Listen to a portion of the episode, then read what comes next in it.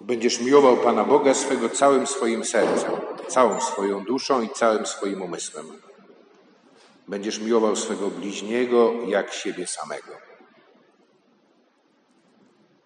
Te słowa słyszy w odpowiedzi na postawione przez siebie pytanie uczony w prawie. Uczony, który został wysłany przez y, faryzeuszów po porażce poniesionej przez saduceuszów, przez y, uczniów faryzeuszy, aby skompromitować Jezusa, aby y, uwolnić ludzi od w ich mniemaniu szkodliwego wpływu na nich, aby uwolnić się od zagrożenia, jakie dla ich życia, dla ich pozycji, dla ich sposobu przeżywania wiary y, stanowił Jezus y, i Jego y, nauczanie. Pytanie, które stawia uczony w prawie, ono jest pytaniem, które odnosi się do tego, o co wówczas toczył się spór. Debata, która budziła wielkie emocje wśród Żydów, bo Boże przykazania zostały ukonkretnione przez uczonych w prawie, przez faryzeuszy w konkretne nakazy y, i zakazy. Nakazów było 248, zakazów 365, w sumie 613, coś czego nikt nawet y, nie był w stanie spamiętać, a teraz w jaki sposób y, żyć zgodnie z tym. I potrzebna była też i pewna hierarchia. Te debaty odnosiły się i stawiały na pierwszym miejscu prawo szabatu, prawo czystości rytualnej. Y, odpowiedź Jezusa, tym razem bezpośrednia, niezmieniająca perspektywy, przywołuje dwa teksty ze Starego Testamentu. Pan Jezus odpowiada też jako, można powiedzieć, ekspert y, w prawie Bożym. Pierwsze przykazanie miłości Boga, ono było doskonale znane wszystkim Żydom, ponieważ codziennie je recytowali. Bo to fragment y, modlitwy, hymnu Szema Izrael, Słuchaj Izraelu, Pan Bóg jest Panem, Bogiem jedynym, które y, każdy Żyd codziennie odmawiał. A drugie przykazanie, przykazanie miłości bliźniego, a trzeba by było dodać też i siebie samego, e, zaczerpnięte z księgi kapłańskiej, też e, pochodzi z Pisma Świętego. Nowość jest związana z tym, że Pan Jezus łączy te dwa przykazania ze sobą w jedno i jednocześnie wskazuje na nie jako na fundament, na jądro całego prawa a tak naprawdę y, całej też i y, wiary i y, życia zgodnego z wiarą. Jak to się ma do nas, do mnie, dziś, tu i teraz? Będziesz miłował Pana Boga swego całym swoim sercem, całą swoją duszą i całym swoim umysłem. Będziesz miłował swego bliźniego jak siebie samego. Te słowa, one uwalniają mnie od y, pokusy faryzeizmu, od y, takiego myślenia o mojej religijności, o mojej wierze, że ona polega właśnie na y, podporządkowaniu się pewnym nakazom. I w związku z tym mogę spodziewać się za starania ich wypełniania nagrody, jeśli nie będę ich przestrzegał to y, czeka mnie kara. A same przykazania jako takie, do tego dochodzi całe nauczanie Kościoła, stają się też i bardzo często ciężarem niemal nie do uniesienia. I odpowiedź Jezusa wskazująca na to, że miłość, miłość jest najważniejsza.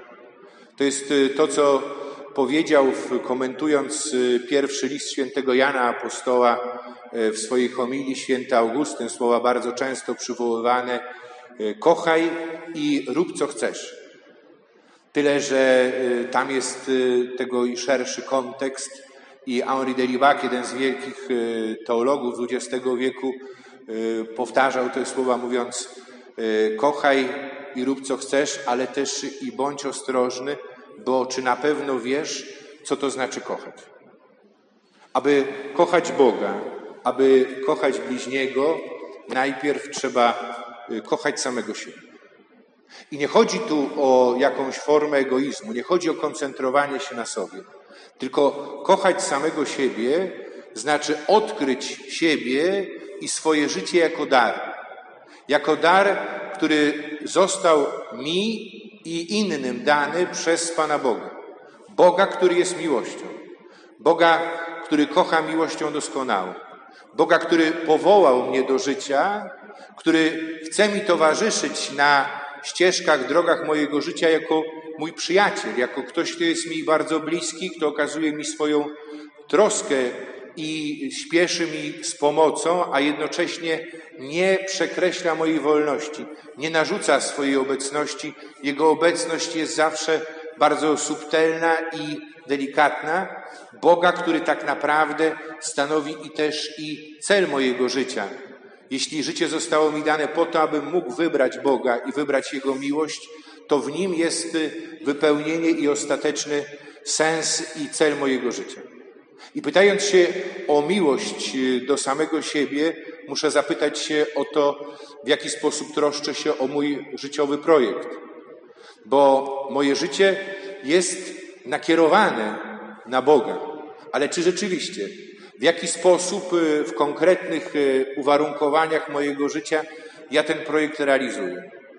My myślimy często, kiedy mówimy o tym projekcie, o powołaniu, że to chodzi tylko o takie naj, najbardziej podstawowe we wspólnocie Kościoła, czyli z jednej strony wybór yy, drogi do kapłaństwa, kapłaństwo jako yy, służba Panu Bogu yy, w Kościele, czy powołanie zakonne, misyjne, czy też inna forma w małżeństwie, w rodzinie, czy też i w samotności, ale w nieoderwaniu od innych.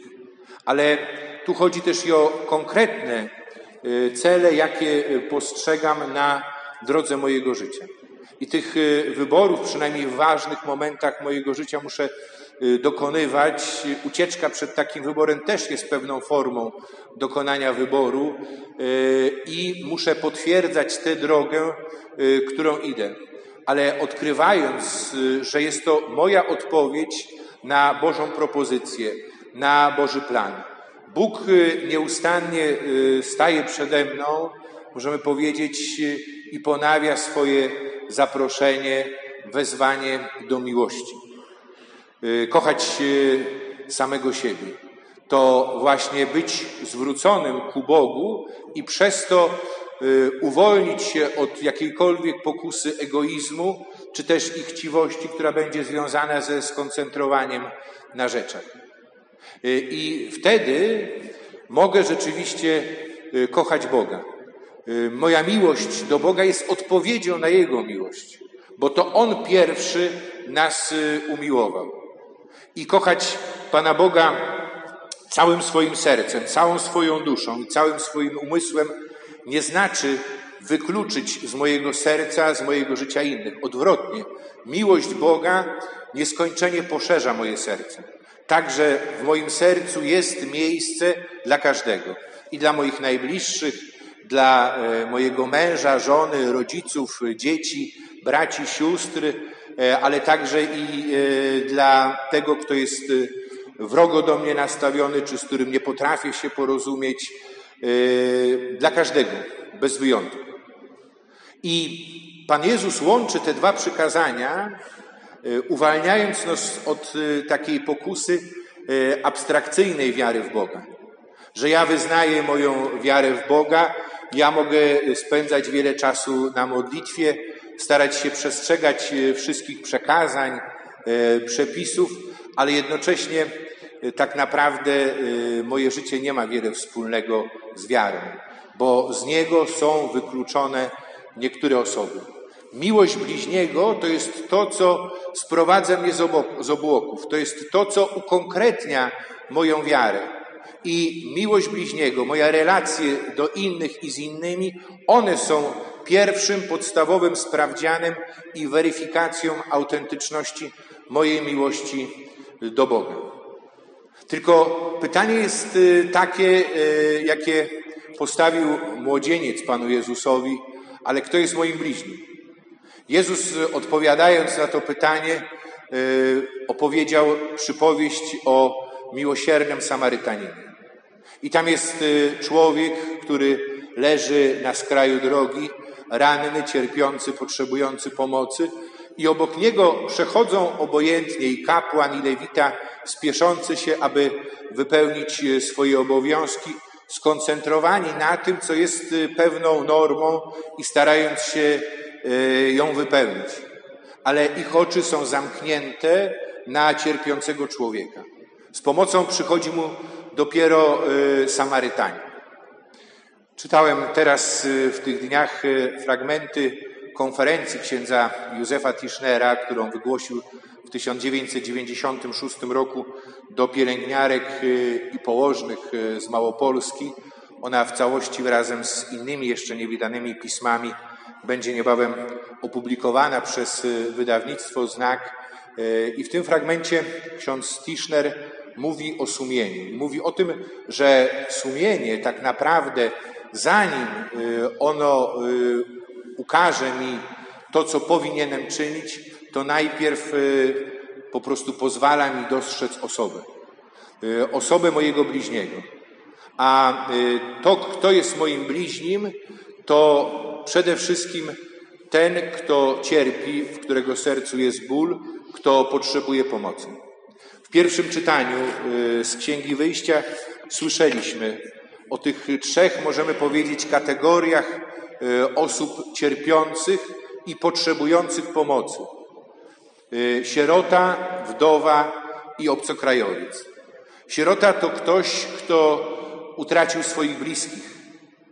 E, wdowa to osoba, która nie ma już tutaj swojego domu, której miłość czy ukochana osoba jest już tu nieobecna i która, możemy powiedzieć, nakierowana jest już i na y, to życie y, po śmierci, ale która też bardzo często pozbawiona jest tego, co niezbędne do życia.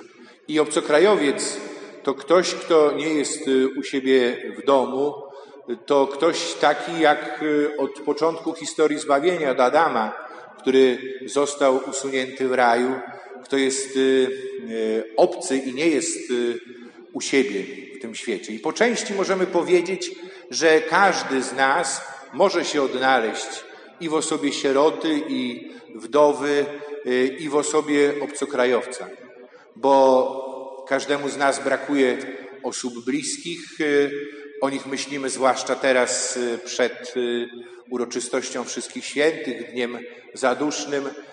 Jest też przecież wiele osób, które utraciły swojego współmałżonka, które przeżywają w swoim życiu też i y, żałobę. Y, jest wielu, czy nie każdy z nas, który po części czuje się obco, któremu brakuje zrozumienia, któremu brakuje tak naprawdę też i doświadczenia wspólnoty i tego poczucia, że jest sobą u siebie, a w taki sposób możemy określić wolność. Yy, I teraz to jest to pytanie. Pytanie o to, czy ja potrafię rozpoznać mojego bliźniego i w kim go rozpoznaję. Jest y, bardzo trudno y, w kontekście tego, co w tej chwili y, dzieje się u nas i nie odnosząc się do jakichkolwiek prawnych rozwiązań, ale trzeba powiedzieć jasno. Myślę, że tutaj też i po części leży źródło problemu. Że y, bardzo trudno nam y, odkryć każdą osobę, która jest naszym bliźnim, przyjąć każdego jako naszego bliźniego i okazać mu we właściwy sposób miłość. Y, trudno rozpoznać bliźniego w dziecku przed narodzeniem, bo przecież to, co przede wszystkim stawia nam drugą osobę przed naszymi oczyma, to jest jej twarz. Twarz, o której Emanuel Lewinas, taki żydowski filozof, mówił, że jest miejscem epifanii, czyli objawienia się Boga. I twarz, która apeluje do mnie, nie zabijaj mnie. Dziecko, którego twarzy nie znamy, bardzo trudno w nim rozpoznać bliźniego. Ale też i bardzo trudno rozpoznać bliźniego w osobie matki czy rodziców cierpiących, poddanych takiej czy innej sytuacji, konieczności dokonywania nieraz i heroicznych wyborów, tych, którzy muszą się troszczyć, a brakuje im odpowiedniej pomocy. Trudno rozpoznać bliźniego w osobie mojego sąsiada, kogoś, kogo spotykam na co dzień, a w sposób szczególny bardzo trudno rozpoznać mi bliźniego w osobie kogoś, kto myśli zupełnie inaczej, z kim nie zgadzam się i zgadzać się tak naprawdę nie muszę, a jeszcze bardziej w osobie kogoś, kto jest moim nieprzyjacielem, który źle mi życzy. Ale każdy bez wyjątku nosi w sobie ból, nosi w sobie cierpienie. I teraz od mojego rozeznania, po pierwsze odkrycia w drugiej osobie tego, że jest dla mnie darem. Darem także i przez to, że jej, jej cierpienie, tej drugiej osoby jest dla mnie wezwaniem i jakby stwarza we mnie konieczność odpowiedzi na jej brak, na jej potrzebę. Jaką odpowiedź? Odpowiedź miłości, czyli solidarności. Bo miłość to nie tylko uczucie. Uczucia bywają zmienne, a miłość to jest konkretny wybór i troska o drugiego. I miłość nigdy nie jest abstrakcyjna, bo my często uciekamy w takie dywagacje. Miłość bliźniego to jest miłość do tej osoby, która siedzi teraz obok mnie w ławce, czy która by siedziała, gdyby nie było tych ograniczeń, z którą się spotkam na ulicy, z którą graniczę przez miedzę czy przez płot, z którą przychodzi mi spotykać się w różnych formach relacji, zależności chociażby i w mojej pracy. Kochać bliźniego jak siebie samego i miłować Pana Boga ponad wszystko. I miłość Boga, ona sprawia właśnie to, że to, co wydawałoby się nakazem, czymś, co jest ciężarem narzuconym z, wewnątrz, z zewnątrz, nagle ja zaczynam odkrywać treść prawa Bożego jako nakazy wypływające z miłości. Zaczynam odkrywać, że to jest koniecznością, ale koniecznością, która związana jest z tym, co jest w moim sercu. To jest konieczność, która wypływa z miłości. Miłości, którą zostałem obdarowany, którą uznaję, przyjmuję i na którą staram się odpowiedzieć. To jest tak, jak pisał o tym święty Paweł, że miłość Chrystusa przynagla nas. Ona nie pozwala nam pozostawać obojętnym, bo obojętność to jest przeciwieństwo miłości. I w drugim czytaniu słuchaliśmy słów świętego Pawła do wspólnoty w Tesalonikach. To jest ta wspólnota, która zmaga się też i z różnymi problemami, ale która jest postawiona nam przed oczy jako wzór, jako wzór braterskich relacji, jako wzór wzajemnej troski o siebie, jako wzór świadectwa, świadectwa, o którym wieści rozchodzą się daleko poza granice tamtego miasta. My uczestniczymy w Eucharystii, która jest ucztą miłości. Ucztą, na którą zaprosił i zaprasza nas Pan. Ten, który karmi nas swoim ciałem i swoją krwią, abyśmy byli z Nim razem jedno. On, który z miłości do nas oddał swoje życie na krzyżu i zmartwychwstał i dał nam nowe życie. I w tej Eucharystii pytamy się tak naprawdę, czy ja wiem, co to znaczy kochać. I prosimy Pana, aby uczył nas tej miłości, aby nas prowadził przez życie, abyśmy mogli iść przez to życie jako ci, którzy są zaczynem pojednania, wzajemnego szacunku, troski o siebie, takiej solidarności, która jest formą miłości, do której wzywa nas dzisiejsze Słowo Boże. Amen.